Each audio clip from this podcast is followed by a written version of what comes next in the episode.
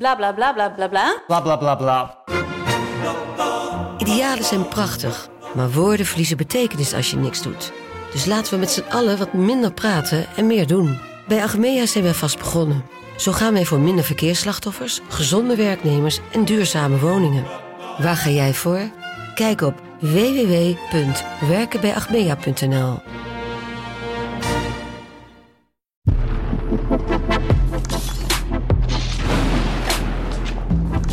Ja, kijk, hij komt aanlopen met zijn koffie hoor. Want het is tijd voor uh, VIZSM natuurlijk, hè? Ja, zeker. Goedemorgen, Pieter. Goedemorgen. Ja. Lekker voetbalweekend gehad. Lekker, heel, het, is weer, het gaat weer om het echt hier. Het is toch heerlijk? Ja, het is heel fijn. Ja, Ja. Ik, ik had er echt eh, zin in. Zaterdagmiddag dan eh, zet je de tv aan en dan eh, ga je er gewoon voor. Maar voordat we echt beginnen, ik ga op een knop drukken nu. 10 minuten gaan we. Nieuwe spelregel van de FIFA. Ja, terecht. VIZSM. Zuivere speeltijd. Doe 10 minuten op. Hier gaat hierin. Mensen kunnen het ook zien. 10 minuten. Het liep uit de hand. Eh, we werden van de kortste podcast eh, van Nederland alweer de langste podcast van Nederland eh, de afgelopen week. Dus we gaan het nu na dit voetbalweekend even lekker bondig En houden. dat was niet eens met jou aan tafel, hè? Nee, Tempo. Van welke wedstrijd heb je het meest genoten, Pieter, afgelopen weekend? het meest genoten. Nou, ik denk dat Fortuna Ajax, dat was in ieder geval, er zat heel veel in qua spektakel en plotwendingen en dat soort dingen. Maar ik heb denk ik nog het meest genoten van eh, Eh, eh, helemaal vroeg op eh, de 2-2. zondag 2-2. Ja, dat vond ik ook eh, heerlijk. Volendam dat een jochie van 16 in de basis eh, zette. Geboortejaar 2005 als je je even oud wil eh, voelen. En nog voor rust wisselde. Dan zie je die tegenwoordig niet vaak meer. Maar dat deden zij wel. Extra spits erbij. En ja, dat was toch even paniek bij Groningen. Dus ik zou zeggen, richting een nieuw seizoen vaker wisselen voor rust. Ja, Een aantal mocht je doen. uitstekend. Eh, je noemt Fortuna Ajax. Het, het meest opvallende was misschien wel Burak Yilmaz, toch? De rentree van hem in de Eredivisie. De entree van hem. Er was inderdaad heel erg de vraag van, nou ja, wat kan hij brengen? En hij kan in ieder geval de vrije trappen nemen. Dus dat is eh, iets voor eh, Fortuna. Dus ja, dat was een eh, leuke entree. Alleen jammer dat hij de media niet te woord wil staan. Ja, dat wilde hij ook al niet toen ik, toen ik er was bij zijn presentatie. Hij is dus niet persoonlijk in ieder geval. Dus dat niet scheelt. persoonlijk. Nee. Nee, dat scheelt. Waarom had Ajax het zo moeilijk met Fortuna in de eerste helft? Ja, dat was met name denk ik te maken met de linkerkant eh, van Ajax. Dat, dat had Fortuna een goed antwoord op met de rechtsbuiten die gewoon meeliep. En waardoor die dynamiek niet uit de verf kwam. En ze hadden op dat moment geen spits. Nagels wel een spits. Nou ja, ook eh, met eh, Blind op het middenveld functioneerde niet echt. Dus eh, Alfred Schreuder heeft veel geleerd. Laten we het zo formuleren. Ja, later op de avond speelde PSV. Moment 4-1 van FC Emmen. Wat voor een PSV heb jij gezien? Ja, een PSV dat eh, die wedstrijd kon spelen zoals ze dat wilde spelen. Namelijk op eh 55%. Dat was ruim voldoende om te winnen van dit FCM. Op een gegeven moment waren er drie achter elkaar die met hun eigen doel probeerden te schieten. Waarvan er bij de laatste het lukte. Denk je nou ja, dat is... Michael eh, Kieftenbelt. ja, dat was- dat was een ideale wedstrijd eh, voor PSV eh, richting eh, Monaco. Dus eh, nou ja, even rustig aan. En dan moet het eh, dinsdagavond weer eh, volle bak. En dat was geen serieus test voor PSV. Nee, het was best wel pijnlijk in het stadion. Ik was erbij en eh, ja, die eigen goal ging er dus in. Toen hoorde je al gelach omdat het zo klungelig ging. En toen werd hij nog even twee keer vertoond op het scherm. En je hoorde gewoon twee keer keihard gelach in heel het stadion. dus die jongen die moet zich niet eh, prettig hebben gevoeld daar zo. Nee, en die raakt later ook nog geblesseerd. En ligt er waarschijnlijk het hele seizoen uit. Dus dat... eh, Je kan hier seizoen beter beginnen, hè? Zo. Nou dan, ik, ik heb het wel te doen met Michael Kieftenbelt. Ja, op zondag hebben we de koploper gezien van de Eredivisie, hè? Feyenoord. Feyenoord ja, wint met 5-2 eh, bij Vitesse. Het team waar ze vorig jaar het iedere keer heel lastig mee hadden. En twee keer eigenlijk ja, terecht en kansloos in de zin van weinig kansen gecreëerd van verloren. En als je De laatste keer dat ze daar wonnen, werden ze kampioen.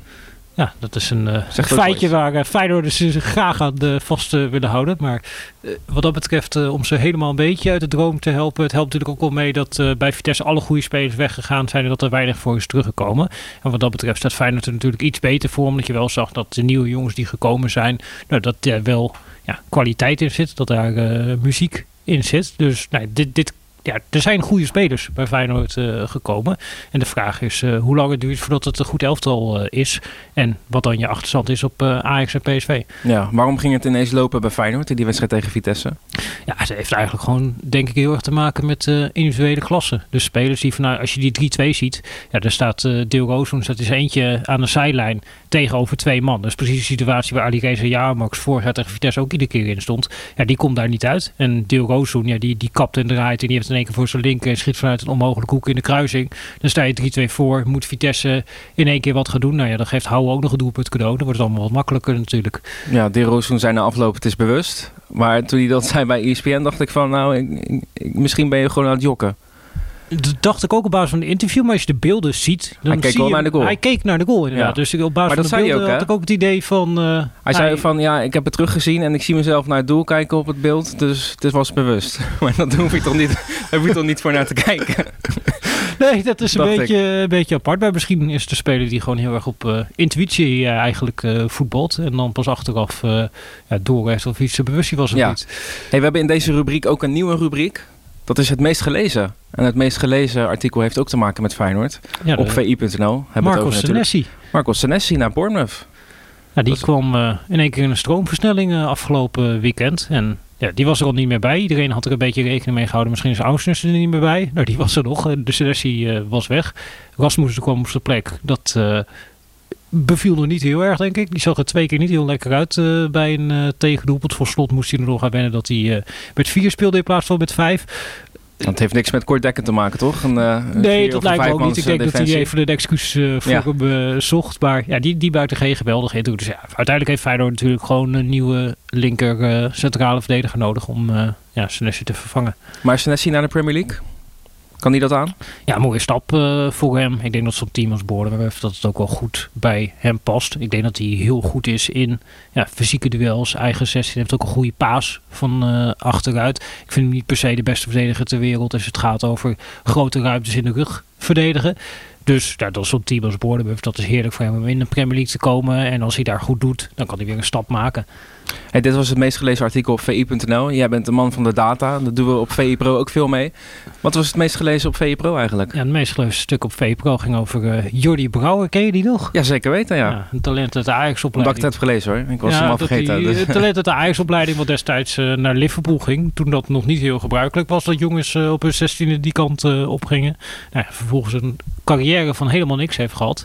En nu blijkt hij profpokeraar te zijn. En dat, dat zijn nou typisch die verhalen die eh, Dave Albers opduikelt. En waarvan je op een eh, zaterdag of zondagmorgen van de een de andere verbazing kan vallen. Want op zondagmorgen heb ik ook zitten genieten van Hans Kraaij junior. Die vertelt over zijn avonturen met George Best. Ja. ja, maar ik vind dat echt wel heerlijk. Om op die zondagochtend, je wordt wakker. Je hebt zo'n lekker verhaaltje van Dave Albers. Wat heb je nog meer nodig om wakker te worden, toch? Ja, een koffie. Ja, zwarte koffie ook, ja, natuurlijk. hey, we kunnen niet om eh, Erik ten Hag heen, hè. Het debuut van hem bij Manchester United tegen Brighton. Het werd een fiasco. Ja, welkom in de Premier League. Ja, dit, Ja. Is, dit is klassiek Premier League. Dat iedere tegenstander, nou, die kan je A, kan die je tactisch verrassen. En B, hebben ze individuele kwaliteiten om, als je fouten maakt, om dat eh, af te straffen.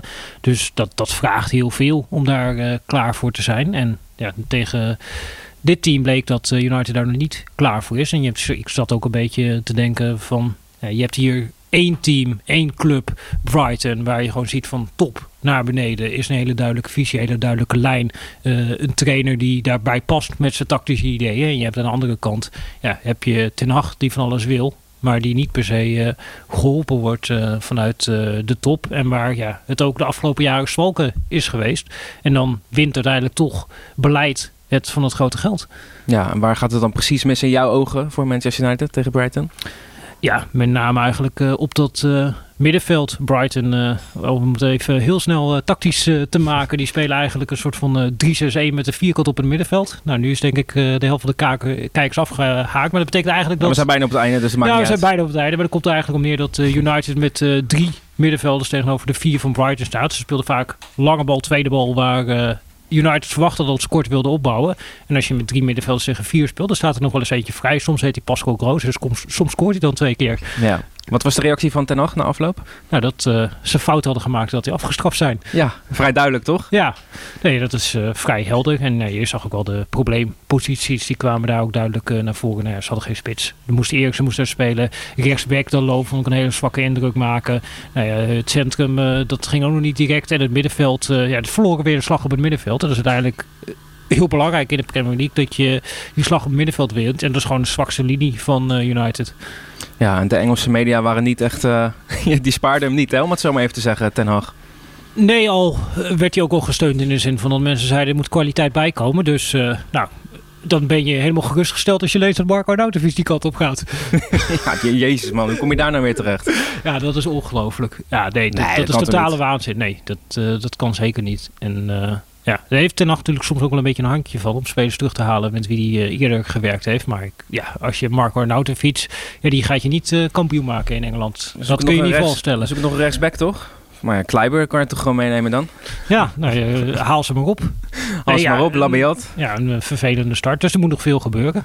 Ja, hij heeft uh, genoeg te doen. Of is niet te vervelen, denk ik, in Manchester.